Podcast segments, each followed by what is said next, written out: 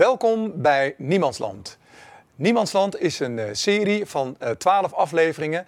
En uh, wij gaan het hebben in deze twaalf afleveringen over zes bijzondere thema's. Thema's die gaan over de wereld. Wat speelt zich af in de wereld en waar bevinden we ons? En we doen dat met twaalf bijzondere sprekers. Bijzondere sprekers die daar echt iets moois over kunnen vertellen. En ik begin hier aan, aan, mijn, aan, aan deze zijde met Bob, Bob de Wit. Bob, welkom bij Niemandsland. Bob, ik heb gezien dat jij ook schrijver bent. Jij schrijft ook, uh, een, uh, hebt een mooi boek geschreven, Society 4.0.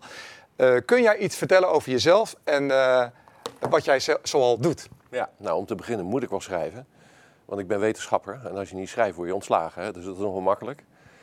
maar tot nu toe heb ik vooral wetenschappelijke artikelen geschreven. En ehm, ja, eigenlijk toen ja, deze ontwikkeling begon, hè, vanaf 2011 zijn we aan het overgaan naar een andere samenleving. Daar heb ik me in verdiept.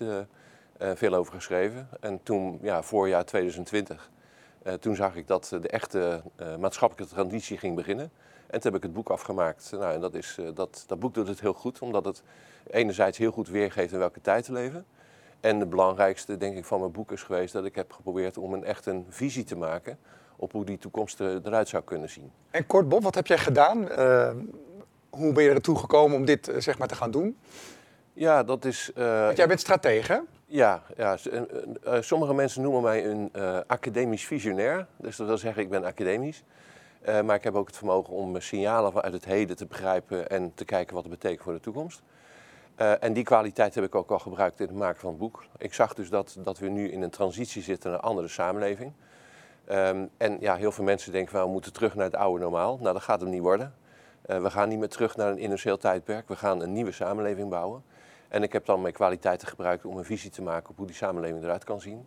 Okay. Uh, en ja, dan kijk je in de geschiedenis en dan zie je steeds een aantal patronen terugkeren. Daar gaan we straks over hebben. Ja. En wat is de mens, Bob? Hoe, hoe, hoe kijken we naar de mens, Bob? Um, nou, ik ben een, uh, een echte academicus, dus uh, een, ik denk veel, ik schrijf veel. Maar ik ben ook heel intuïtief en sensitief. dus die combinatie van, van beide eigenschappen, dat zit heel erg in mij. Dus als er nou iets is wat mij karakteriseert, is wel mijn paradoxale uh, aard, zeg maar. De, de, tegenstellingen die allebei in mij uh, aanwezig zijn. In een mooie balans. Ja. In een zekere balans. Oké, okay, dan gaan we naar Ajit. Uh, Ajit Bakkas. Ajit, ook jij schrijft heel veel boeken en jij bent ook een schrijver, maar niet alleen een schrijver, Ajit. Hè? Kan jij even kort jezelf voorstellen? Um, ik ben Ajit Bakkas en ik ben trendwatcher. Ik probeer erachter te komen wat er aan de hand is achter de krantenkoppen van vandaag. Ik ben weliswaar academisch misvormd, maar ik doe daar verder niet zo heel veel mee. Ik gebruik heel veel werk van verschillende academici over de hele wereld. En ik maak daar mijn eigen uh, hutspot van. En uh, ik ben ehm, vooral gericht op wat ik dan noem de economie van het geluk. Want de E van emotie is ook de E van economie. En ik, en ik denk dus dat er nu een emotionele revolutie aankomt, omdat er heel veel rationele dingen worden overgenomen door de computer, door artificiële intelligentie. Dus wat blijft over voor de mens? De emotie, de intimiteit, het geluk, de communities. En in mijn boek, dat heet Het tijdperk van chaos in het Engels en in het Nederlands, daar beschrijf ik dat, we leven nu in het tijdperk van chaos, zoals de oude Grieken dat bedoelden. Het, dus niet, niet per se een rammeltje, maar het tijdperk van chaos is de grote leegte, het grote niets, waarin alles schuift van links naar rechts, onder naar boven, achter naar voren. En daaruit komt de nieuwe wereldorde voort. En uiteindelijk kan dit leiden tot een nieuwe renaissance voor de hele mensheid. Want volgens de Verenigde Naties kunnen wij als mensheid in het jaar 2100 acht keer zo rijk zijn als dan nu. En al in het jaar 2070 vijf keer zo rijk als nu. Maar dan moet het wel goed verdelen. Dan moet het goed verdelen en dan moet het goed organiseren. Want kijk, Moeder Aarde is veel royaler voor ons dan wij denken. In, in Oeganda, in een van de armste landen ter wereld, is nu een goudader ontdekt die bij elkaar evenveel goud oplevert als de hele goudvoorraad in de wereld nu. En dat ene kleine arme Oeganda wordt plotseling een supermacht. We zien dus ook de abiotische, de, de, de, de, abiotische uh, uh, abiotic oil heet, die, die, uh, die, die Russische theorie, dat olie en gas helemaal niet fossiel zijn, maar vanuit het binnenste van de aarde komen en constant worden aangevuld. Moeder aarde vult dat gaan het onbeperkt. Na water is olie de meest voorkomende vloeistof in de aarde. Gas erbij, genoeg uranium. Energie kan al over tien jaar gratis zijn. En als energie gratis is voor de hele mensheid, dan krijg je een enorme economische boost. Grondstoffen eigenlijk genoeg. Hè? Ja. Maar Ajit, ik wil even terug. we krijgen dan ook dat geluk. Want dan, eh, daar kunnen we dus ook echt, eh, echt naartoe. Die, ik pleit dan ook voor. Want daardoor kunnen we korter gaan werken. Drie dagen werken en de andere vier dagen voor je vrienden, familie, intimiteit, voor de hond. Dus dan eh, heb je meer tijd van, ik noem dat dan de Surinamisering van de arbeid. en eh, dus dat lijkt mij toch allemaal heel fijn. Mooie introductie. Ajit, even als mens. Hoe moeten wij kijken naar Ajit als mens? Ik eh, ben een echte wereldburger. Mijn familie kwam uit India, die ging naar Suriname. Ik ben in Suriname geboren, heb daar tot mijn 18e gewoond. En sindsdien eh 40 jaar in Nederland. Dus ik heb mijn roots deels in Nederland, deels in Zuid-Amerika, deels in Azië. Dus ik ben van alle, eh, in, overal, overal en nergens thuis. Dus als ik zo'n niemandsland hoor, dan denk ik ook van, nou, dat ben ik. Ja. En, eh, maar ik leef vooral voor de liefde en voor mijn passies. Ik ben, een, ik ben eh, 24 jaar met, eh, met mijn man. Die, eh, mijn grote liefde, die heeft nu overigens longkanker in stadium 4b. Dat is het laatste stadium. Wij wonen heel gelukkig in Almere met onze hond en onze verzorgster en onze kunstcollectie. Want wij zijn gepassioneerde kunstverzamelaars. En uit een Brits onderzoek blijkt dat kijken naar kunst bijna even gelukkig maakt als de liefde. Dus ik heb het allemaal. Ik heb de liefde, ik heb de kunst. In de COVID-tijd kon ik op vakantie in mijn eigen huis, want we hebben kunst uit de hele wereld. Meest uit Azië overigens. Maar, en eh, gaat het maar goed, dus ik leef vooral voor het geluk. Ik gebruik jouw bruggetje even voor Niemandsland, want dat vind ik mooi. Want we, ja, de serie hebben we genoemd Niemandsland. We gaan het straks hebben eh, in deze serie over de, de trend natuurlijk, de komende de tien jaar. Daar zijn jullie allebei in gespecialiseerd. We gaan het hebben over de data en de biotech en we gaan het hebben over de maakbare mens. Maar voordat we dat doen, eh, gaan we ook wat quotes bekijken uit de documentaire. Daar heb jij aan meegewerkt, Bob. Maar heel even kort, een kort antwoord. De eerste reactie, Niemandsland. Bob, wat, wat, waar denk jij dan aan? Ehm, dan denk ik aan een, ehm, eh, eh, een land, eh, of eigenlijk in de tijd, waarin het gaat om een spanning tussen dat dat land van mensen zijn zonder, zonder vlees en bloed, zeg maar. Een, een soort eh, materialistisch, zieloze eigendom. Dat vind ik niemandsland. En als je kijkt wat ik eigenlijk probeer te doen, is dat voorkomen. Hè. Ik probeer een alternatief te maken. Ik denk dat we terug moeten gaan naar waar we als mens gelukkig van worden, waar wij blij van worden, eh, wat ons drijft. Eh, ik denk, eh, en daar ben ik met, eh, met, met mijn collega eens, eh, we gaan een technologisch tijdperk tegemoet. Hè. Er komt, eh, 2030 is een belangrijk moment. Eh, want dan, dan krijgt kunstmatige intelligentie, de menselijke intelligentie, die gaat de mens voorbij. Eh, dus voor die tijd moeten we kijken wat ons onderscheidt dan eigenlijk van, eh, van, ja, van de technologie. Ja. En tot nu toe, kijk, waarom zijn er 7 miljard mensen op aarde? Eh, omdat wij intelligenter zijn dan zebra's. Hè? Kort, Ja. kort gezegd komt erop neer. En 2030 komt er dus een kunstmatige levensvorm die intelligenter is dan de mens. Ja, mooi. Nou, we, we gaan daar straks iets meer over zeggen, Bob. Hè? Want eh, we, gaan, we bewaren nog even de quote, daar gaan we mee starten. Maar wel een mooi begin. Eh Ajit, even heel kort. Je, eigenlijk, je hebt het al een beetje gezegd. Niemandsland, heel kort. Wat, wat betekent dat voor jou? Nou, ehm, kijk, ehm, de macht verschuift eh, naar, eh, naar Brussel. Dus Nederland, de regering in Den Haag heeft eigenlijk niks meer te vertellen over het land. Het doen alsof we houden het toneelstukje vol, maar eigenlijk is de Europese superstaat al in wording. Ja. Ik wil heel graag, omdat we vanuit de documentaire, jij hebt meegewerkt Bob, eh, hebben wij eh, daar natuurlijk het, nodige verteld. eh, eigenlijk de corona gebruikt als vergrootglas. En we hebben daar vooral gekeken naar de systemen. En jij hebt daar al hele mooie dingen eigenlijk al voorspeld. En we gaan even kijken naar een quote van jou. En de quote die gaat over de andere maatschappij. Heel veel digitale technologieën die maken het ook mogelijk om een andere maatschappij te gaan maken. We zitten een beetje in dat, in dat, tussen, in dat tussengebied, hè, in dat vacuüm tussen het industriële tijdperk wat we achter de rug hebben en het digitale tijdperk waar we in terecht zijn gekomen. En daartussen ja, zijn we een beetje aan het zoeken van hoe dat moet, al moet gaan en wat de nieuwe regels moeten zijn. Eh, en we blijven maar oude regels eh, herhalen. En we moeten eigenlijk helemaal opnieuw gaan eh, beginnen. En nadenken van hoe moeten die nieuwe maatschappij nou eigenlijk gaan maken met die nieuwe factoren. En die nieuwe factoren, dat zijn ja, technologie, dat is kapitaal, hè, dat zijn, zijn veel data. En dus, dus er zijn hele andere factoren van belang. En dat, dat is toch weer een nieuwe maatschappij maken. Ja, Bob, jij zei twee jaar geleden, zei je het al. Eh, ik denk ook dat jij al wel eerder in de gaten had, hè, dat er van alles aan de hand was. Maar heel mooi wat je hier zegt, we moeten een nieuwe maatschappij maken. Kan je dat nog eh, wat meer toelichten, zeggen, met eigenlijk met de twee jaar, want we zijn eigenlijk twee jaar verder, met de voortschrijdend inzicht wat we nu hebben. Hoe kijk je daar nu tegenaan? Ehm nou ja, eh, kijk, ik was toen bezig met het schrijven van mijn boek. Hè. Dat was nog vlak daarvoor. Dus ik zat goed in de literatuur, dus dat kon ik heel goed vertellen. En ik noem het ook Society 4.0, omdat het voor de vierde keer is dat we een andere maatschappij moeten gaan maken. Dus dan kun je ook in de geschiedenis kijken en wat gebeurt er dan tussen twee tijdperken? Hoe ziet dat er dan eigenlijk uit?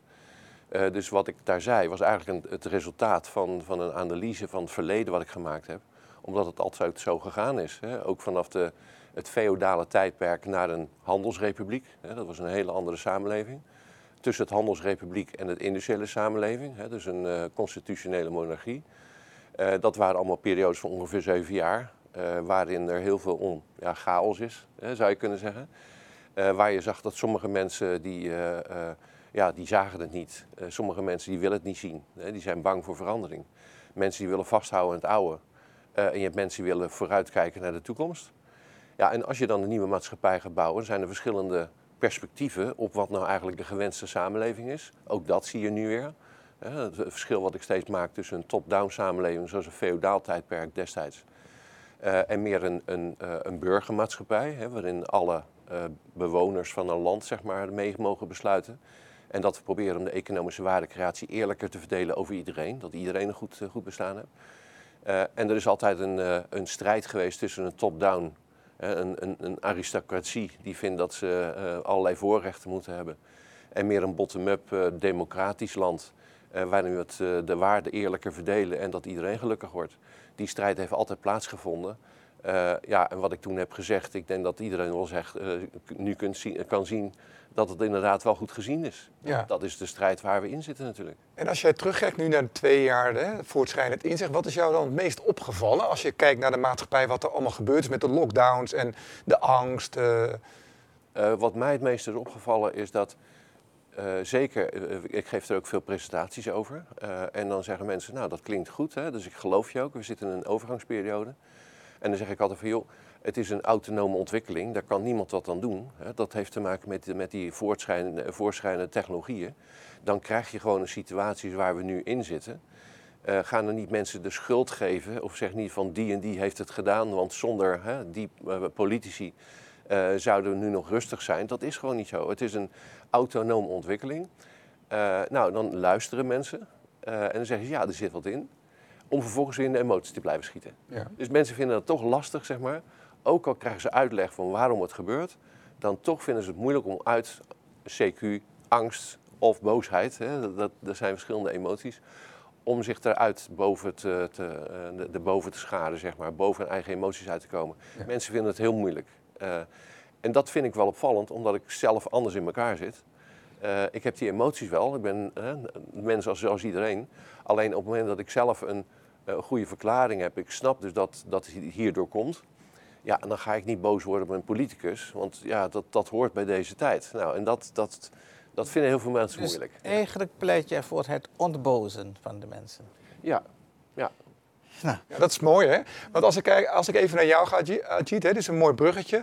Uh, wat is jou het meest opgevallen de afgelopen twee jaar? Want jij hebt daar natuurlijk wel iets over gezegd.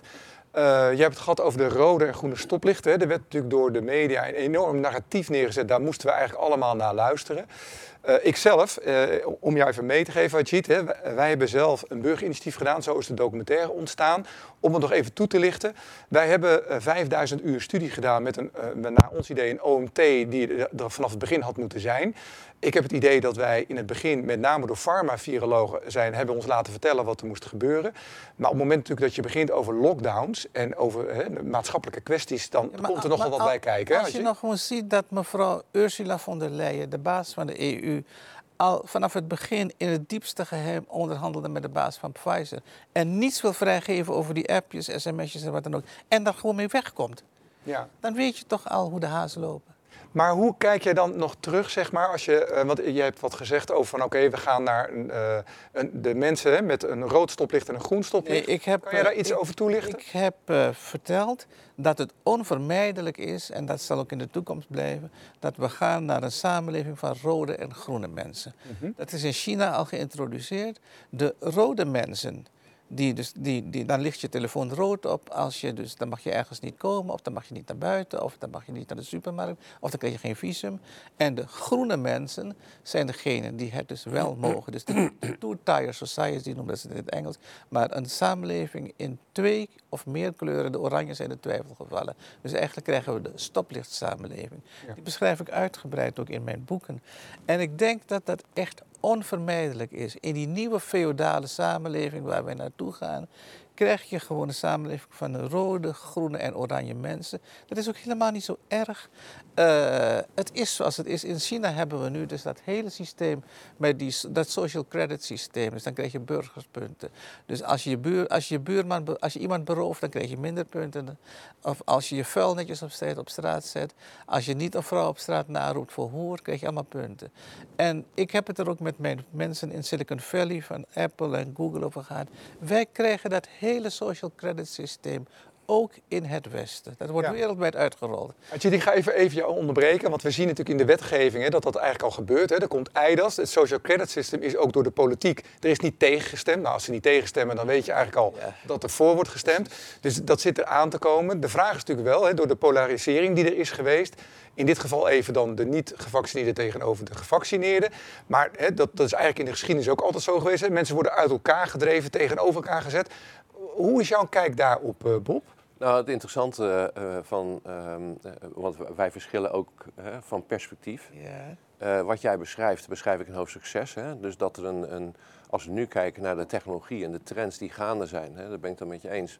Dan gaat het richting een elite reset. Hè? Dus een, opnieuw een elite samenleving, hè? of een feodaal tijdperk, zoals je zegt. De, de tech-adel in jeans in Ja. Silicon Valley, die heeft nu inderdaad heel veel macht. Ja, maar dat is, eh, dat is mijn hoofdstuk 6. Ja. En ik heb nog een hoofdstuk 7. En dat is... En, en hoofdstuk 7 is dat eh, we juist niet die kant op gaan.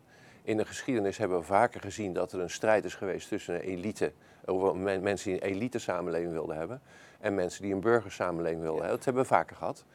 Eh, en, ehm, eh, en het is nooit helemaal weer teruggegaan naar een feodaal stelsel. Het is altijd een combinatie van beide geweest. Dus, Dus ik accepteer niet, ik accepteer niet dat er een elite reset society komt. Ehm, dat mogen ze wel willen. Eh, ze kunnen het voorbeeld wel hebben van China. Ze kunnen wel in die techwereld denken dat ze de grote macht zijn en dat ze voor God kunnen spelen.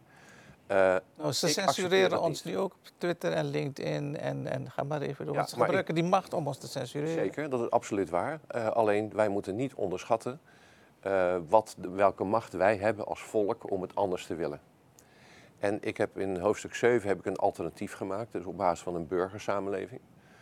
En dat is inderdaad een, een global burger. Dus enerzijds worden vraagstukken op wereldschaal. Dus we worden wereldwijd geconnect. Maar tegelijkertijd kunnen we ook weer meer in onze eigen eh, sociale domein, hè, onze regionaal domein, of eh, bij eh, de mensen met dezelfde belangstellingen en interesses, daarvoor gaan redeneren. En dan maak je meer een burgersamenleving, meer op regionaal niveau. Ja. Als wij, en het voordeel is dat die technologieën waar we het over hebben, die maken het mogelijk om wereldwijde controle te hebben. En er zijn ook mensen die, die rollen dat eh, eh, zeg maar ruimhartig uit. Hè. Die proberen daar. De wetgeving wordt op dit moment, eigenlijk ook al aangepast. Hè? Dus achter de schermen is de wetgeving wordt hier al volledig voor aangepast. Ja, maar, dat is... Jawel, maar kijk, eh, kijk, ik weet wel dat, dat ze daarmee bezig zijn. Ook in, de- ook, ook in Brussel willen ze graag de macht hebben en landen En opheffen. controle houden. En Ja. controle houden. Maar ja, kijk, als wij als burgers zeggen, dat, dat is niet een soort maatschappij wat wij hebben. Ik wil niet in een technologische maatschappij zitten. Ik wil in een mensenmaatschappij zitten. Ik vind, Ja. ik vind het veel belangrijker dat we met z'n allen plezier hebben, dat we gelukkig zijn. Ja. En ik ga daarvan uit redeneren. Maar, en hoe ziet lieve dan een Bob, maatschappij wat eruit? wij vinden is helemaal niet zo belangrijk. Wat belangrijk is, wat er gewoon gebeurt. Eh, wij kunnen met z'n tweeën de weer, de, de, de, die, die tanker niet keren. Die mammoet-tanker niet keren. Want jij denkt, Ajit, als ik jou zo hoor, dan zeg je eigenlijk, hè, want als we kijken naar de supra, supranationale eh, organisaties, hè, zoals een World Economic Forum, Verenigde Naties, de EU, we zien eigenlijk dat de democratie volledig weg is. Hè. Er is ook geen check and balance. Ik- En er is een enorme machtsverhouding hè, van, de, van de rijke elite en de multinationals tegenover de burgers en het MKB. En we zien eigenlijk, jij zegt eigenlijk, ja, dat is een olietanker en ja, dat, dat die gaat door. En Nou, maar kijk, als je kijkt naar wat er in de, zeker in de coronatijd is gebeurd, is een enorme wealth transfer, een enorme trans- transfer van geld eh, en vermogen van het MKB en de middenklasse naar die elite en naar de multinationals. Dat is gewoon toen gewoon gebeurd. Dus dan kun je wel. En de middenklasse is de ruggengraat van de samenleving, maar die is dus nu enorm verzwakt en verarmd. Dus die gaat helemaal niet zoveel meer doen. Die is vooral bezig met survival, met overleven. Ja, dat- kijk, daar, daarin verschillen wij van mening, denk ik. Eh, want ik ben wat minder ehm, fatalistisch. Hè. Ik, ik zie het niet als een, als een ontwikkeling die niet te stoppen is.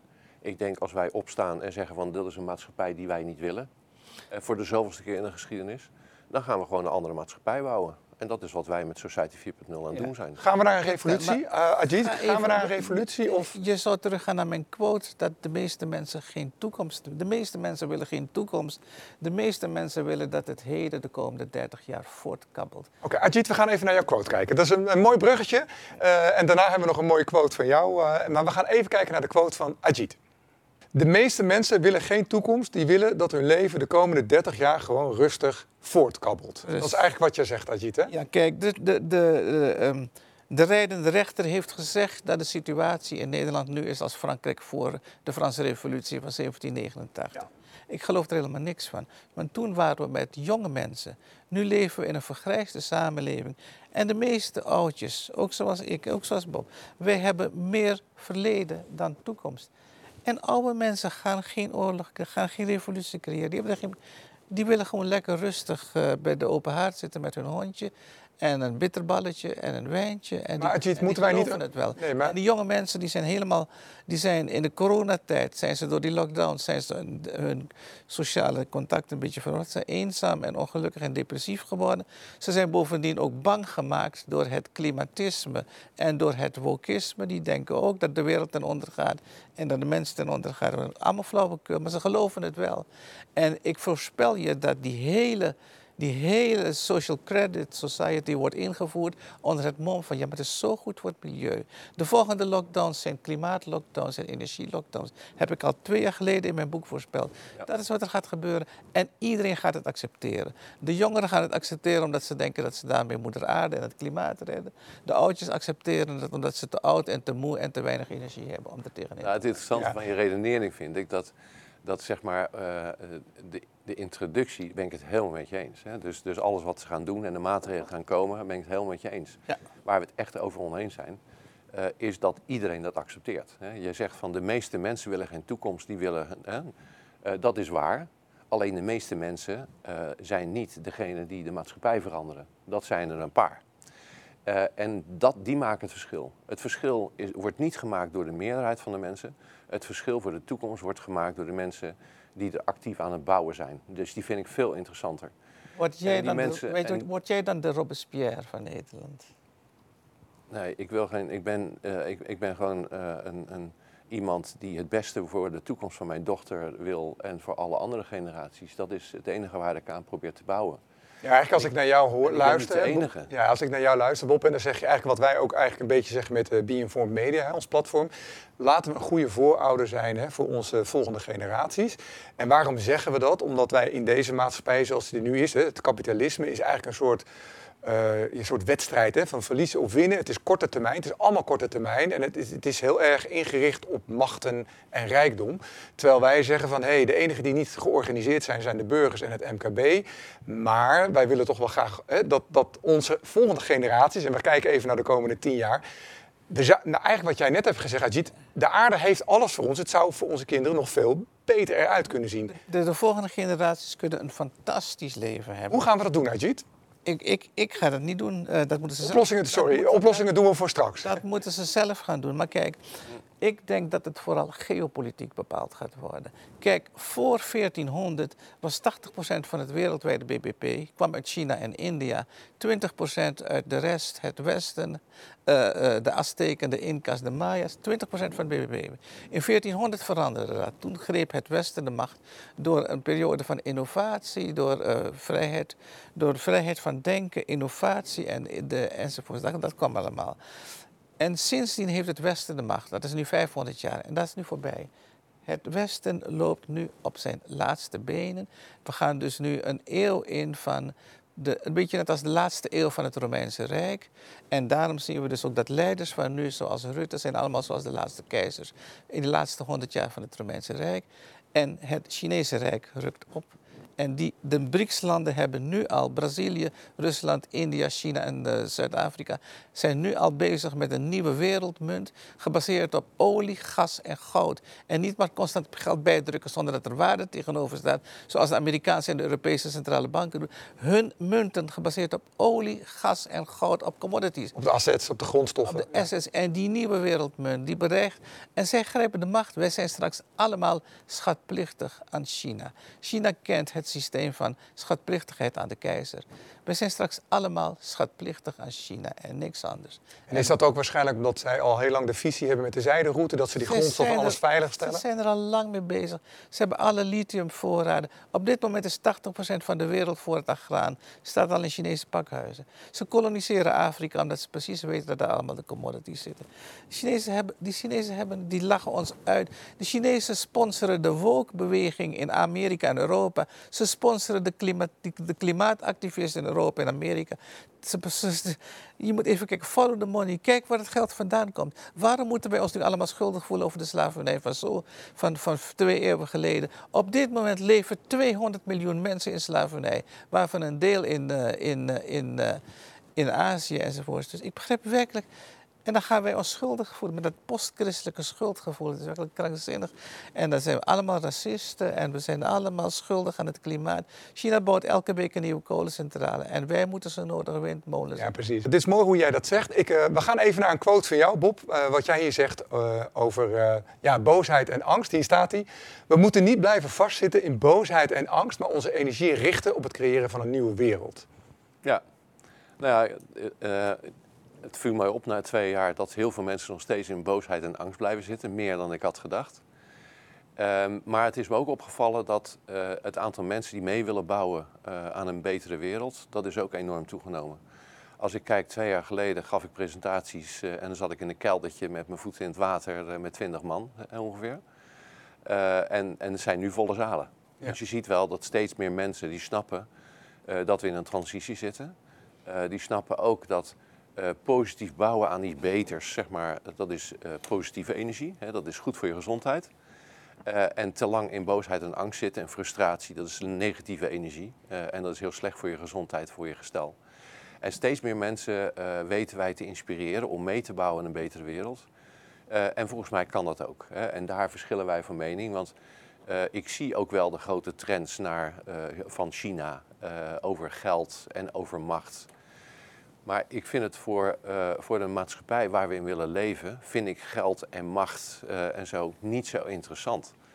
Um, en, en of de, de, de centrum van de macht nou in China ligt, of in Europa ligt, of, uh, of bij de Azteken ligt, zal mij eigenlijk een rotzorg zijn. ik denk dat dat is een spelletje voor, voor anderen. Hè, daar hou ik me verder niet mee bezig. Ik hou me bezig met hoe maken wij nou een menselijke samenleving hier. Um, voor onze volgende generaties.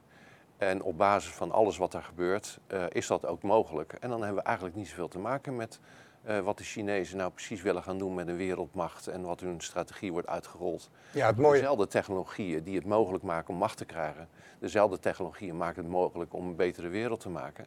Uh, met, met plezier en liefde en en, en, geluk en gezondheid. Ik merk persoonlijk, hè, ik merk tenminste ook met alle onderzoeken die wij zelf natuurlijk hebben gedaan hè, uh, aan het hele coronaverhaal en de thema's hè, die, die geo, hè, qua geopolitiek spelen.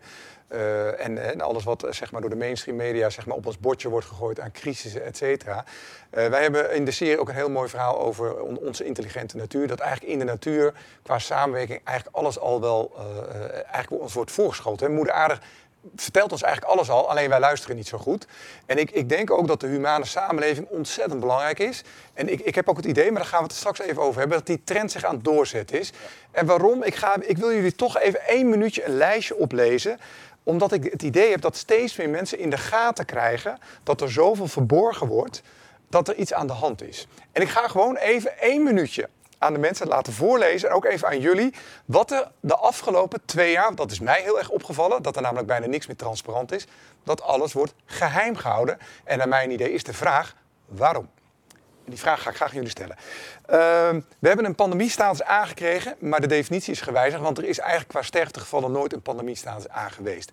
De PCR-test was niet geschikt voor het vinden van een coronavirus, maar is met name door meneer Drosten, omdat hij natuurlijk daar geld aan kon verdienen, vond hij het noodzakelijk om dat eh, in te dienen.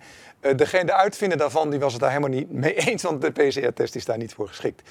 De IFR, eh, de, dat was een belangrijk gegeven voor de, voor de... Kwam daar die 7,5 ton van voor Jaap van Dissel die naar zijn Antilliaanse bankrekening is overgegeven? Onder andere. we, we, hebben er nog wel meer. De modellen van het RIVM waren geheim. We hebben daarna gevraagd, kregen we niet. OMT-meetings waren geheim. De WOB, dat is naar mijn idee de openbaarheid van het bestuur, hè, dat is onze democratie. Die heeft twee jaar op slot gezeten, wordt nu zwart gelakt, net als de toeslagenaffaire. Het wordt ook zo gemaakt dat we het niet kunnen lezen en er, wordt, en er worden ook dingen vernietigd. Uh, omdat we het niet mogen weten. De farmacontracten, mevrouw van Lijnberg, maar ook de contracten daarvoor, uit de Mexicaanse griep hebben we het 11 jaar geleden hetzelfde gehad, zijn geheim en ze wilden graag het 50 jaar opbergen. Meneer Ab Oosterhuis met de parlementaire enquête is gebleken dat hij uh, nogal veel belang had bij uh, die pandemie. Wat nooit een pandemie is geweest, ook dat is allemaal geheim. De dashboard nevenschade, vind ik een hele belangrijke, was in april 2020 bekend. De nevenschade met de lockdowns is, zou immens worden, is ook immens geworden. En die was geheim. En Rutte heeft zelfs een jaar later gezegd, we hebben nooit een dashboard gehad. Nou, hij was er al hoor, in april. En we wisten dat de kwalie al stond op 850.000 euro in plaats van 80.000 euro. Het recept voor de experimentele injecties zijn geheim. De gain of function Wuhan is geheim. Fauci mailverkeer is geheim. Mag ik even onderbreken? Want weet je, um, wat, wat, jij nu doet, is ook bij, wat ik bij heel veel mensen merk. Hè? Uh, we hebben net een gesprek gehad dat we in een overgangstijdperk zitten. Mm Dat er twee verschillende perspectieven zijn op een toekomstige samenleving. Dat we boven onze emoties moeten uitstijgen. En jij maakt weer een overzicht met alle emoties en alles wat er, wat er niet klopt. Nou, en, en zoals ik er naar tegenaan kijk, dat is als je het nou even ziet als een. Er is nog uh, veel meer geheim als je kijkt ook inderdaad die hele Oekraïne-oorlog. Ons wordt meneer Zelensky als grote held voorgeschoten. Dat is ook een corrupte oligarch. Dat hele Oekraïne is net zo corrupt als Rusland. Dus we worden alsmaar narratieven voorgeschoteld en, en heel veel dingen zijn geheim. En echt moet ik je zeggen, I don't care. Nee, maar het gaat mij erom. De meeste mensen ook die nou, mag ik er iets over zeggen? Even mijn redenering afmaken. Kijk, als je me even volgt dat we in overgang zijn en dat er verschillende toekomstige maatschappijvisies zijn. Uh, en je gelooft echt in een top-down samenleving, dan ga je daarna ga je een strategie uitrollen om dat voor elkaar te krijgen. Net als dat ik probeer om een andere samenleving te maken en ik ga ook een strategie bedenken om dat uit te rollen. En uh, de dingen die jij noemt, die horen bij een, bij een strategie om een bepaalde maatschappij uit te rollen. Ik zie dat gewoon als een logisch iets. En je zou het zo kunnen zien, het is een beetje een schaakspel. Uh, dus de elite die, zit, die speelt met wit. en die doet allerlei dingen, stiekem, hè, die vertellen ze niet. Maar dat is gewoon, ja, daar kun je, daar kun je emotioneel over worden. Dat al maar dat is gewoon, maar dat is heel, ja, dat geldt duizenden jaar zo. Nieuw. Is gewoon een manier om je gelijk te krijgen. Dus wat je dan moet doen, als wij met zwart spelen, uh, is goed kijken naar welke pion wordt verzet en welk paard. En op basis daarvan zeg maar een tegenzet maken om te kijken of je het spelletje. Ja, maar ik ga er uh, toch iets over zeggen. En, en, jij blijft maar zeg maar in die emoties zitten. Nee, het gaat niet om mij. uit willen komen. Nee, maar het gaat niet om mij. Ik, ik wil even neerzetten. Want jullie zijn natuurlijk allebei trendwatchers en strategen. Dat betekent natuurlijk ook dat jullie je verdiepen in deze materie. Maar wat je ziet is dus voor de gewone mensen die uh, hard werken, die, die moeten de maan doorkomen. Die, ja, die hebben gewoon de tijd niet om, om die informatie in te winnen. Maar heel, zoals jullie dat doen. Maar die krijgen dan een ander narratief. Nee, maar die krijgen, nou, dat is ook nog een ding. Maar die krijgen natuurlijk ook een heel ander narratief verteld vanuit de media. Het enige wat ik uh, wil aangeven, zeg maar, is van oké, wat jullie dus goed in de gaten hebben. Maar hebben naar jullie, eh, naar jullie idee de mensen wel in de gaten dat er zoveel geheim wordt gehouden? Steeds meer. Ik denk, uh, als ik praat met mensen, dan zijn er, um, uh, vergeleken met twee jaar geleden, zijn er steeds meer mensen die kleine dingen zien van hé, hey, daar klopt iets niet helemaal. Er zijn steeds meer mensen die dat zien. Eh, en op het moment dat je die mensen kunt, eh, kunt verenigen eh, en, een, en een hoopvol alternatief kunt bieden, dan zie ik het verschil. Ehm, laten we niet vergeten, een, maatschappelijke revolutie heeft nooit plaatsgevonden als mensen het slecht hadden, hè, wat jij zegt, maar meer als er een hoopvol alternatief is. Hè, want mensen die blijven altijd zitten in het oude, totdat er iets is wat beter is dan wat, waar ze in zitten, en dan stappen ze over. Dus de grote truc zit hem erin, en dat is wat wij proberen te doen met Society 4.0, is een hoopvol toekomstperspectief bieden, eh, waardoor een steeds groter deel van de mensen het zien als een beter alternatief dan blijven zitten in het oude. Of je laten verleiden in een, eh, in een feodaal tijdperk. En als die groep maar groot genoeg is en hoopvol genoeg is, dan gaat er een transitie plaatsvinden. Bob, ik vind het heel nobel en ik vind het heel mooi, maar het gaat niet gebeuren. Ik denk zelf dat die feodale samenleving wereldwijd geleid door China onvermijdelijk is. En dat wat gaat gebeuren is dat mensen kleine communities gaan vormen, kleine groepjes, fysiek en digitaal, waarin ze hun eigen geluk gaan zoeken. En dus zoals wat jij dat zegt, dat ze dus die burgersamenleving in groepjes burgers, en die gaan het dan gezellig met elkaar hebben. In de laatste honderd jaar van het Romeinse Rijk was het heel gezellig. De, de keizers maakten een puinhoop van, de regering was een puinhoop, het land ging ten onder. Maar de mensen hadden het heel gezellig met elkaar. En dat is nu ook. De mensen willen brood en spelen, de mensen willen naar Max Verstappen kijken, die willen naar, naar voetballers kijken. En uh, die mensen willen domme quizzen en talentenjachten op tv kijken. En die krijgen dat. En de mensen, de weldenkende burgers, zoals jij die beschrijft, die zoeken het in hun eigen communities. Dat, net als in de tijd van de kleine luiden. De kleine luiden begonnen, dat is ook het begin van het CDA, begonnen inderdaad in groepjes, huiskamerbijeenkomsten, begonnen ze van alles. Uiteindelijk leidde dat inderdaad tot die, de emancipatie van de kleine luiden. Uh, dat zou nu ook kunnen gebeuren. Maar ik denk dus dat je krijgt overal van die huiskamerbijeenkomsten. We hebben dat ook. Etentjes, huiskamerbijeenkomsten, toestanden.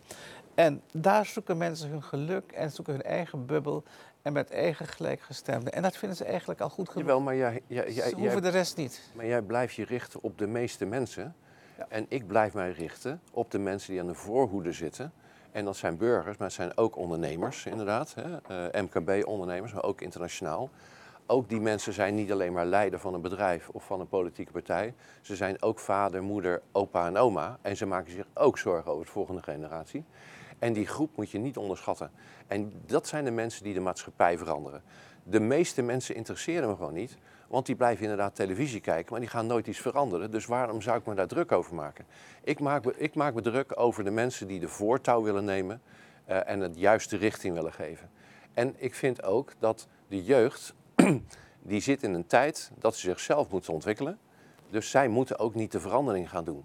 Wij zijn verantwoordelijk voor een betere samenleving, niet zij. Als de voorouder. ik, ga even naar, ik ga heel even naar een quote. Mag ik even naar de quote van jou, eh, Bob? Want eh, eh, jij hebt in de documentaire daar ook iets over gezegd. Hè? Dus dat we heel duidelijk in die overgangsfase zitten. En eh, ik weet zeker dat jullie daar ook echt iets over te zeggen hebben. We moeten ons goed realiseren in deze periode van onzekerheid. eh, is, zijn er heel veel dingen eh, die onzeker gaan worden. Gaan heel veel eh, dingen gaan veranderen. Waarbij het virus eigenlijk het minste probleem is. We zitten in een overgang naar een andere periode. Politiek is oude politiek. Die werkt niet in het nieuwe tijdperk. Ehm, er zijn grote partijen met bepaalde belangen. Hè, die, die maken ook gebruik van deze periode om, om hun eh, belangen veilig te stellen. Eh, er, is, er is polarisatie in de samenleving. Hè. Er is niet één grote burgerbeweging. Het zijn, hè, er zijn heel veel spanningen in. Als we echt eruit willen komen, hè, als we echt uit een andere periode willen komen, uit de angst willen komen, dan moeten we op een gegeven moment besluiten dat we meer met elkaar het gaan doen, dat we elkaar gaan helpen, dat we de verschillen proberen te overbruggen en samen een betere maatschappij gaan maken. Dat eh, klinkt echt, Bob, het klinkt mooi en heel nobel, maar het gaat niet gebeuren. Ehm, hoe jammer ik dat ook vind, want ik zou heel graag in zo'n burgermaatschappij leven, zoals jij beschrijft. Maar Dus jij doet mee. tijdens de, ik doe nergens aan mee. Tij- ik ben een Surinamer, ik blijf lekker in de hangmat liggen met een chihuahua en ik kijk hoe de, en ik kijk, ik kijk hoe de anderen het doen. Dus, eh, maar ehm, kijk, wat er gaat gebeuren, wat, wat je dus gaat zien, is dat de bevolking gaat krimpen. De wereldbevolking gaat krimpen. We zitten nu, bij het begin van de industriële revolutie waren we met 1 miljard mensen. Daar waren we ook al daarvoor. In, groeiden we van 1 miljard nu naar de huidige 8 miljard. We groeien volgens de VN nog even door, we kabbelen nog even door naar 10 miljard op het eind. En daarna gaat het vanaf 2070, geloof ik, begint het alweer te krimpen. Na 2050 al. Millennials willen, waar jij zo hard voor werkt, willen geen kinderen meer. De, en die generatie zegt ook helemaal niet. En vanaf 2050 krijgen we de emotionele machine, de EM. Dat is een perfecte robotkopie van onszelf met ook onze eigen emoties. Dus als je al een perfecte kopie van jezelf hebt, waarom zou je dan nog kinderen gaan nemen? Dus die komen er gewoon niet meer. En uh, dus terwijl je hier zit, kan, jou, kan jouw robotkopie kan de hond uitlaten, de luier van jouw oude moeder verversen en ga maar even door. Dus wat we zien, en dat zeggen op dit moment alle demografen, de wereldbevolking krimpt. Volgende eeuw zijn we nog met 5 miljard, de eeuw daarna nog met 1 à 2. Het gaat nu echt hard achteruit. En de, de, de slimme mensen die er dan nog zijn, krijgen allemaal chips in hun hoofd. En daardoor wordt die elite nog slimmer dan wij. Wij bankbindjes, die, die verliezen het omdat zij gewoon veel slimmer worden. Ja, dus, uh... ja ik, ik, ik, zie, het, het, interessante is dat ik precies dezelfde ontwikkelingen zie als jij. Alleen dat ik heel anders in sta. Jij bent redelijk fatalistisch. Hè? Jij denkt, uh, het gaat zo gebeuren. Hè? Mooie plannen die je maakt, maar gaan niet gebeuren. En uh, ik ben meer een omarmer van Napoleon, hè? niet waar? Uh, circumstances, circumstances. I create the circumstances. Nee, dat vind, ik denk dat we niet moeten onderschatten. Ik vind het heel mooi dat je dat doet. Maar uh, de vergrijzing is echt een enorm issue. En uh, in de 15e eeuw, toen India nog een supermacht was, was India geregeerd door keizer Babur. Babur was moslim en homo, dat kon in die tijd nog. Tegenwoordig is dat geen trend meer. Nee. En Babur schreef in zijn dagboek sterke mensen creëren goede tijden. Nee, nee, zwakke, sorry, eh, nee, nee. nee. Sterke mensen creëren goede tijden. Goede tijden creëren zwakke mensen. Zwakke mensen creëren weer, weer slechte tijden. En slechte tijden creëren. Dus het is gewoon een soort cirkel en daar zitten we nu in. En als ik die quote van keizer Baboer, die moet je dan straks even erin monteren. Ik heb een sheet ervan voor je. En Keizer Baboer had gelijk. En als ik die, die quote laat zien en ik vraag aan, de, aan mijn publiek, en ik heb het met al mijn lezingen, vraag ik aan de mensen, waar zitten we nu? En dan zeggen ze, meneer, we zitten in de tijd van zwakke mensen creëren slechte tijden. En daarna komt slechte tijden creëren weer sterke mensen. Jij bent bezig met sterke tijden, slechte tijden creëren sterke mensen. En ik denk dat die sterke mensen uit China komen.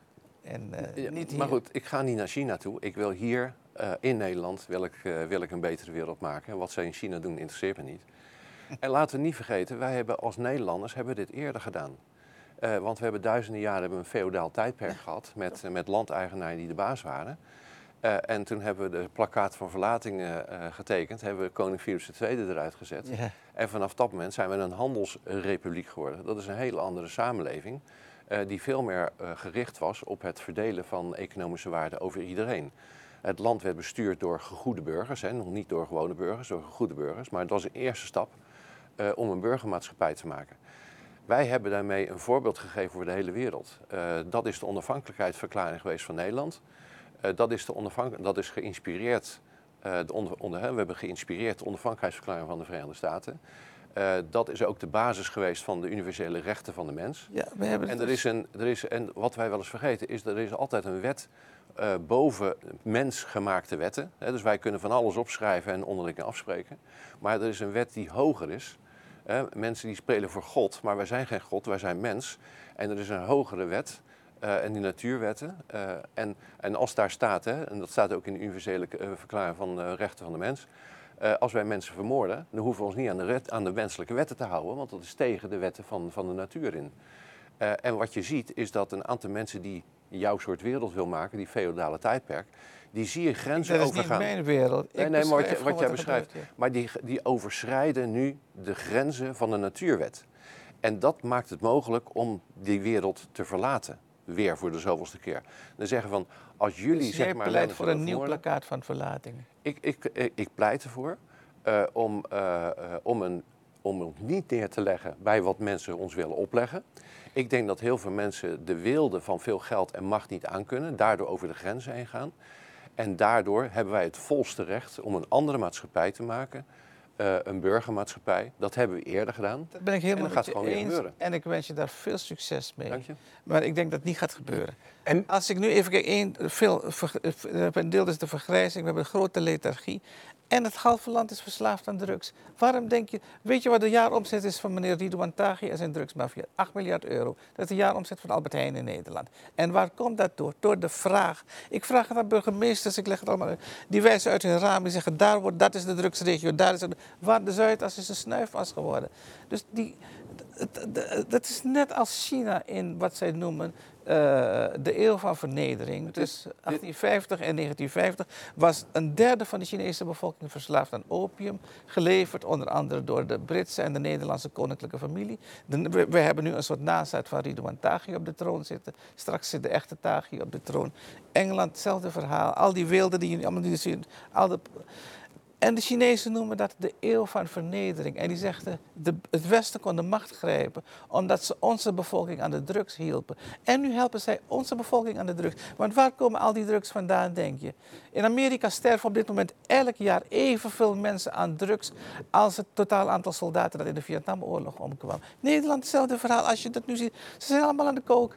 Dus wat, wat, verwacht je van de bevolking die aan de kook is? Ik, ik, ben, ik ben wat minder pessimistisch erover. Ik, zit, ik werk op een universiteit, dus ik kom ook veel jonge mensen tegen.